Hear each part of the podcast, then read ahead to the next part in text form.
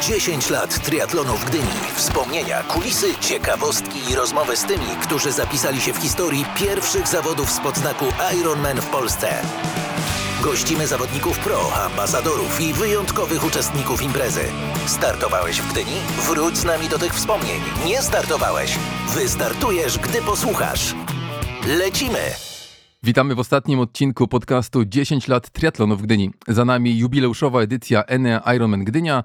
Czas więc na nasze ostatnie spotkanie i rozmowę. A będzie to odcinek wyjątkowy, nie tylko dlatego, że kończymy serię podcastów, jest to odcinek ostatni, ale też dlatego, że w dość luźnej formie konwencji porozmawiamy sobie o tym, co działo się dosłownie kilka dni temu w Gdyni, a działo się sporo. A tego podsumowania jubileuszowej tegorocznej edycji imprezy dokonamy razem z naszym dzisiejszym gościem, Michałem Drelichem, dyrektorem Enea Ironman Gdynia. Cześć Michał. Dzień dobry. Emocje już nieco ostygły. E, ja cię trochę za długo znam, żeby nie wiedzieć, że ty już głową jesteś na początku września w Poznaniu, Enea Ironman 70.3 Poznań, a nawet pewnie dalej, ale dzisiaj wróć jeszcze na chwilę do tego, co działo się w Gdyni e, w ostatni weekend. Enea Ironman Gdynia, dziesiąta edycja zawodów triatlonowych w Gdyni. No właśnie, co ci najbardziej utkwi w pamięci po tej edycji? Jak będziemy mieli 15-lecie, 20-lecie gdyńskiej imprezy, to o czym będziesz wspominał wtedy w kontekście tego roku? Że ludzie byli znowu szczęśliwi. Świat stał się na chwilę lepszy.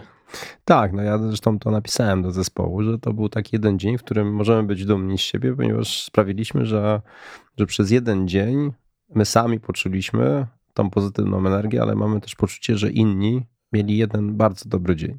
A takich dni nam potrzeba w ostatnim czasie, zdecydowanie. No, zdecydowanie i nam, jako organizatorom, i tu wypowiadam się nie tylko w imieniu firmy, którą reprezentuję, ale też całego środowiska eventowego, ale myślę, że też nam jako społeczeństwu, bo te ostatnie dwa i pół roku było chyba dużym testem wytrzymałości społecznej Najpierw mieliśmy pandemię, później wybuchła wojna. W tej chwili otrzymujemy sygnały, że jesteśmy w przededniu recesji, wielkiego kryzysu gospodarczego.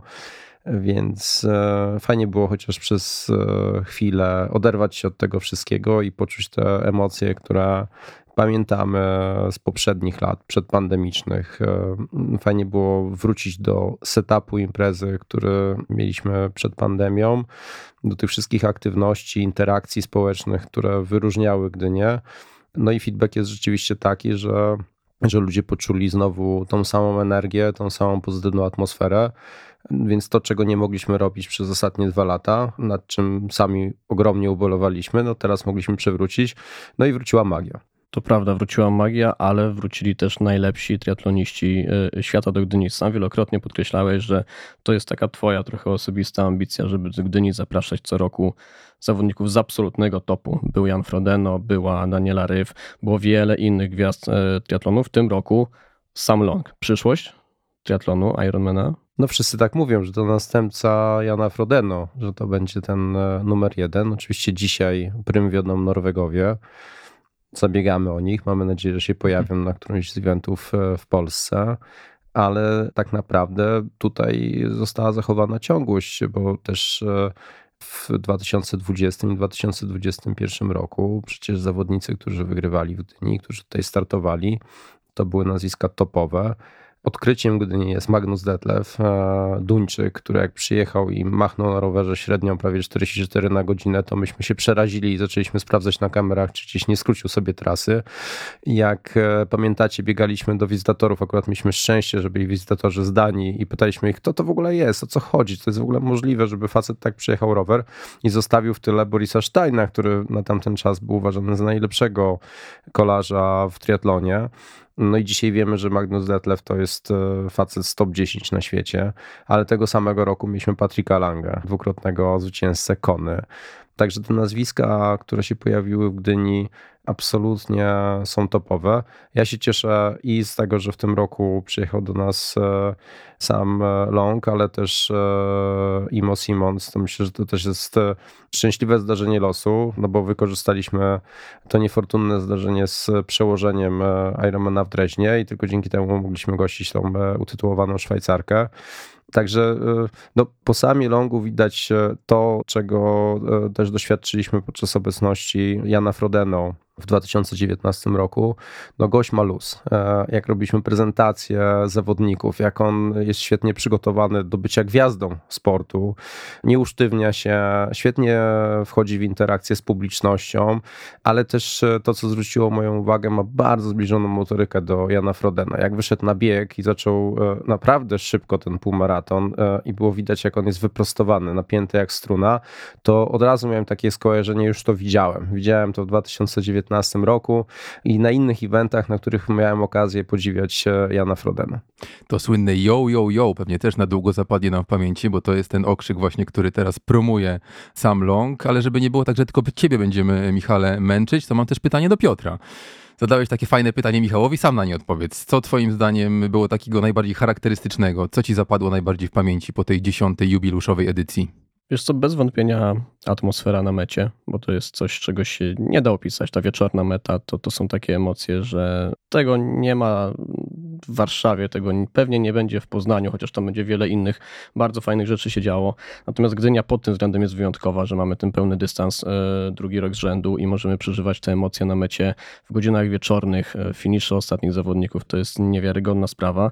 Natomiast z takich innych e, rzeczy nie ukrywam, że w tym roku po tym roku zapamiętam dwójkę bohaterów e, naszego konkursu Nigdy nie jest za późno, czyli akcji, którą wiele miesięcy temu uruchomiliśmy dla osób po 50 roku życia, które chciałyby zadebiutować na pełnym dystansie Ironman.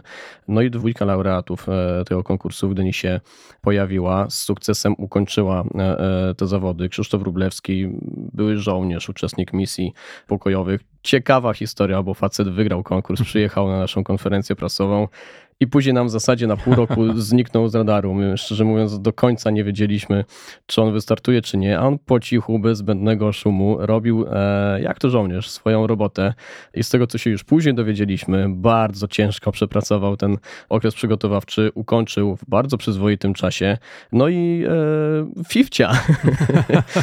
Fifcia chyba, chyba nie mam e, przyzwolenia na używanie tego pseudonimu, ale e, Iwona Latańska, z którą poznaliśmy się przy tej akcji również, mega pozytywna kobieta.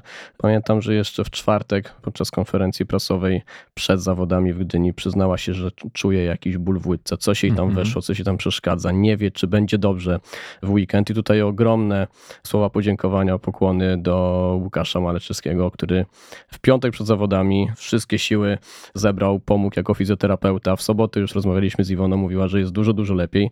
No i w niedzielę zrobiła swoje, finiszowała po tych 15 godzinach z hakiem. Co więcej, wygrała kategorię wiekową i slota na Mistrzostwa Świata na Hawajach. Fenomenalna historia i no, mam nadzieję, że takie akcje będziemy mogli kontynuować, bo jak widać e, tworzą się super historie z tego. No tak, to była wspaniała historia. Jeszcze też pamiętam, że rozmawiałem tuż po tym, jak Krzysztof wpadł na metę, to mówił właśnie, że był taki zajęty, bo ogólna sytuacja, jeżeli chodzi o wojsko, miał dużo pracy i miał ograniczone treningi, borykał się też z kontuzją, no ale udało mu się i co ważne, powiedział, że chyba złapał bakcyla i już y, myśli, już planuje nad kolejnymi startami, tak więc kto wie, zobaczymy, co teraz ten były specjal z Lublińca wymyśli.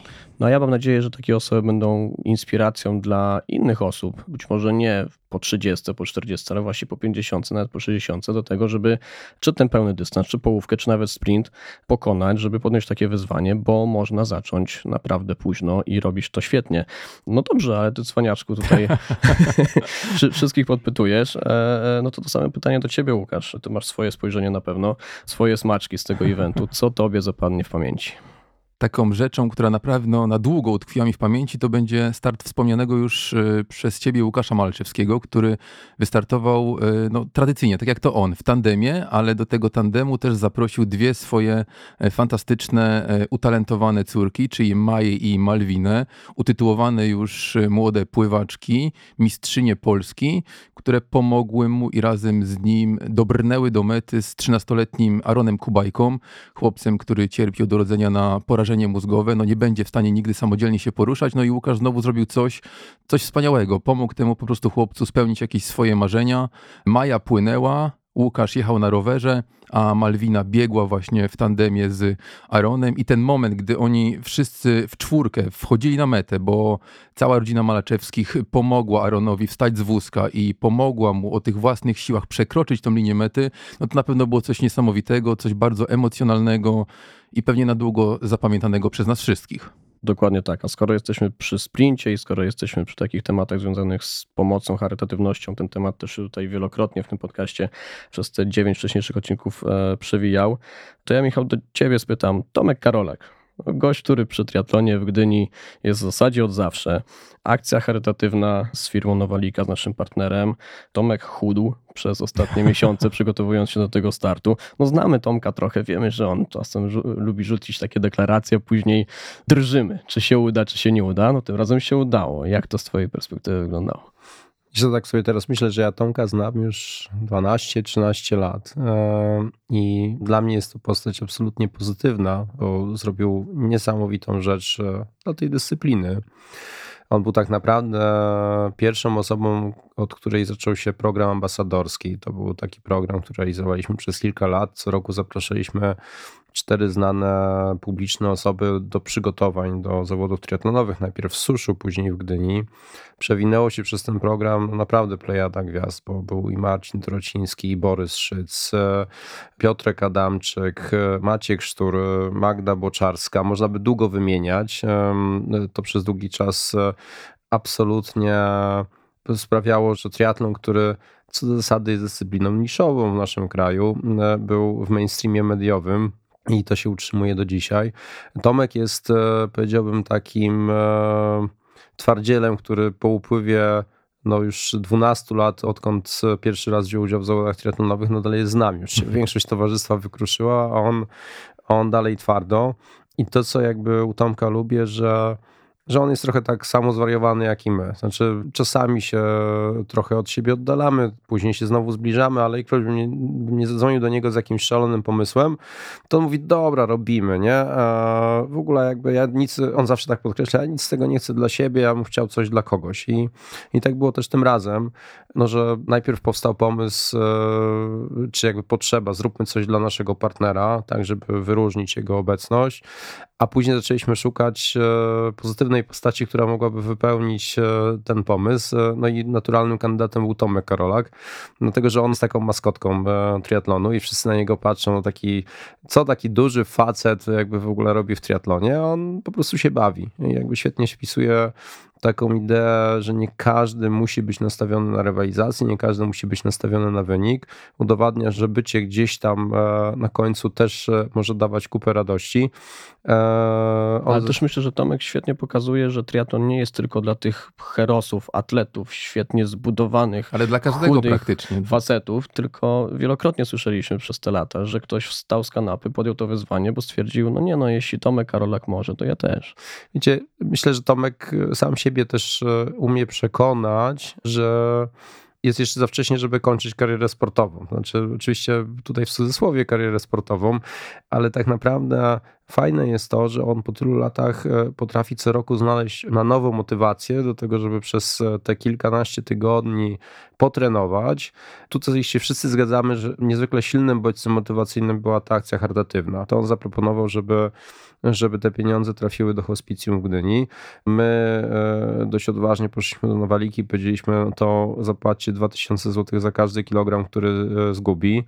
Nowalika powiedziała ok, a jak skończyliśmy tą akcję, to już wszyscy byliśmy tak tym podjarani, że prezes Nowaliki mówi, gdzie tam będziemy płacić 20, na to hospicjum dajemy 30. Tak? Znaczy to są, to są absolutnie unikalne zdarzenia i pokazują, że że my wszyscy działamy pod wpływem mega pozytywnych emocji. Znaczy, byśmy się tak nakręcili tam już e, pod koniec dnia e, tej rywalizacji sobotniej, że już nawet e, nie chcieliśmy nadużywać życzliwości prezesa Nowaliki, ale czułem, że jakbyśmy go jeszcze tam pokręcili, to jeszcze więcej tych pieniędzy pewnie przekazał.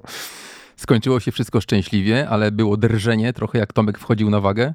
Wiesz co, no tak, no bo z Tomkiem to jest tak, że on mówi jest dobrze, jest dobrze, mam kontuzję, więc... E, tak, bo jakby... początkowo dodajmy, że miał startować na połówce, ostatecznie przez kontuzję nogi e, stwierdził, że poleci sprint. Tak, znaczy Tomek, Tomek ma taką tendencję, że jak zaczyna trenować, to sobie dokłada tak, że organizm odmawia mu posłuszeństwa i później e, te dawki treningowe racjonalizuje i nie inaczej było w tym roku. To znaczy najpierw e, porządnie przegiął, zaczął robić jakieś e, ćwiczenia w siłowni ze sztangą i przyciążył ten aparat ruchu.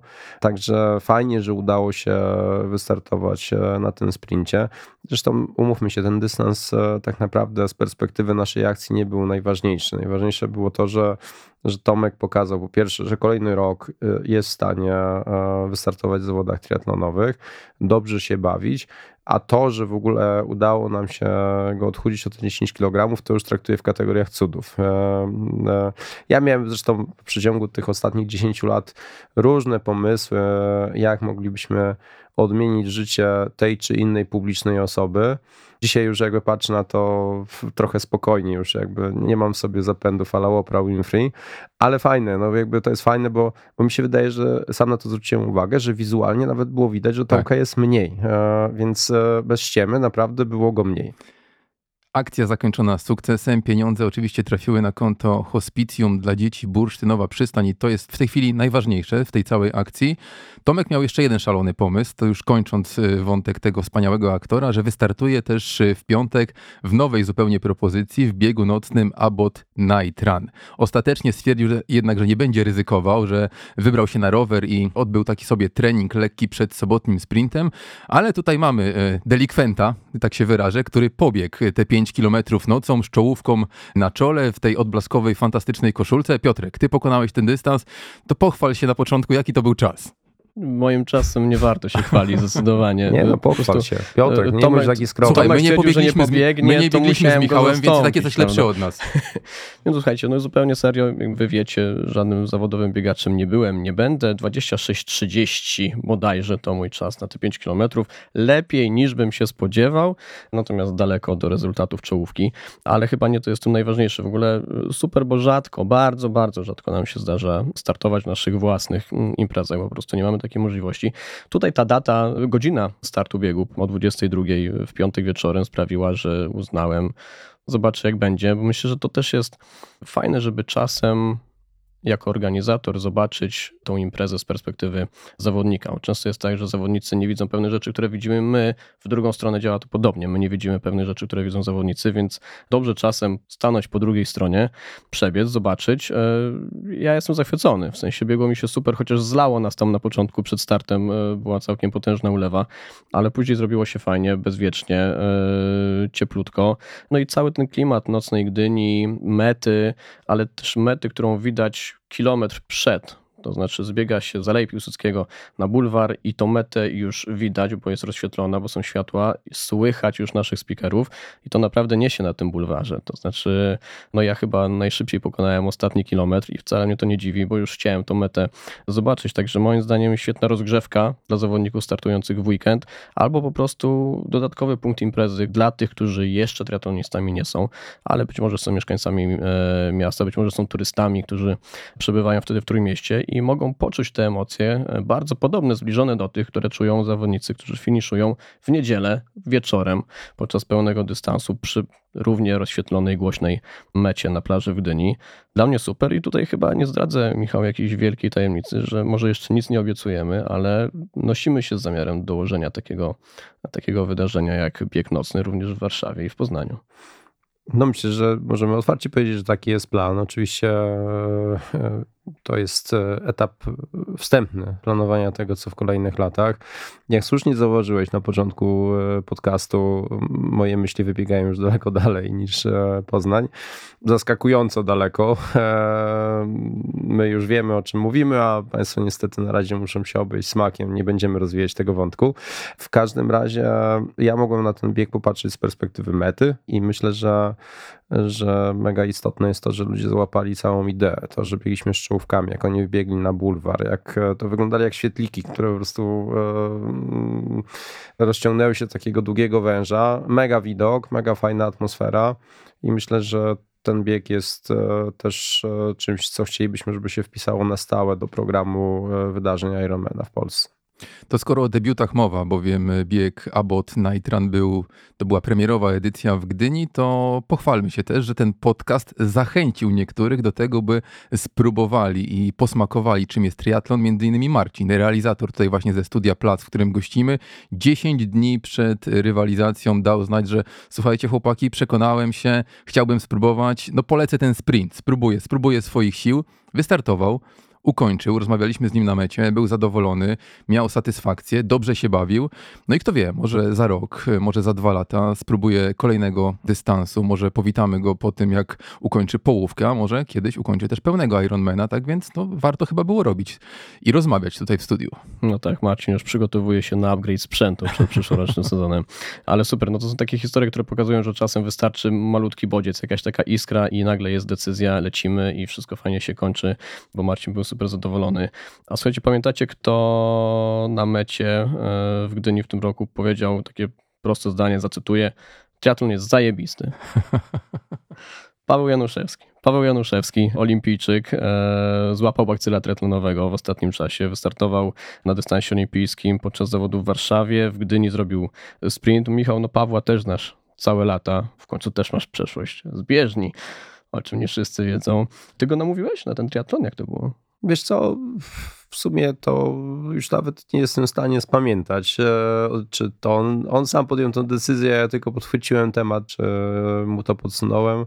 Myślę, że pewnie to pierwsze. Tak naprawdę już pamiętam. Tak naprawdę to gdzieś zorientowałem się w momencie, że on się zapisał na Warszawę i dzwonię do niego i mówię, ty słuchaj, no ale jak to, startujesz w Warszawie tak po cichu? No i Paweł tak skromnie mówi, no wiesz, bo ja tutaj jakby wokół tego nie chcę robić zamieszania. Ja mówię, ale to jest tak, że nie możemy tego komunikować. Nie, nie no spoko, możecie komunikować, to ja mówię, no to robimy show, tak? Myślę, że Paweł generalnie bardzo obawiał się e, tych startów triatlonowych. E, dzisiaj już się nie obawia, chociaż jak dzwoniłem do niego rano, i pytałem go, to co jakby w Poznaniu się widzimy, to mówi, nie, już, już wystarczy, już w tym roku koniec. E, także testowałem ten zapał. Dla mnie też fenomenalne było to, że jakieś 2-3 tygodnie przed imprezą zadzwonił do mnie Paweł Korzeniowski, nasz e, chyba najwybitniejszy, jeden z najwybitniejszych pływaków, tak, pięciokrotny olimpijczyk. E, Paweł miał epizod w triatlonie, po czym wrócił do pływania, zakwalifikował się na Igrzyska Olimpijskie. No i tak myślałem, że to już koniec, jakby już ta energia takiego wyczynowego sportu się w nim wypaliła.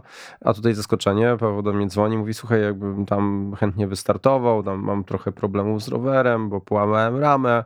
Ja mówię, nic się nie martw, wszystko jakby ogarniemy, pomożemy. No i obydwaj wystartowali i obydwaj też e, wzięli udział e, w, takich nowych e, seminariach, które zorganizowaliśmy pod hasłem Inspiracja, opowiadali o swojej pasji sportowej.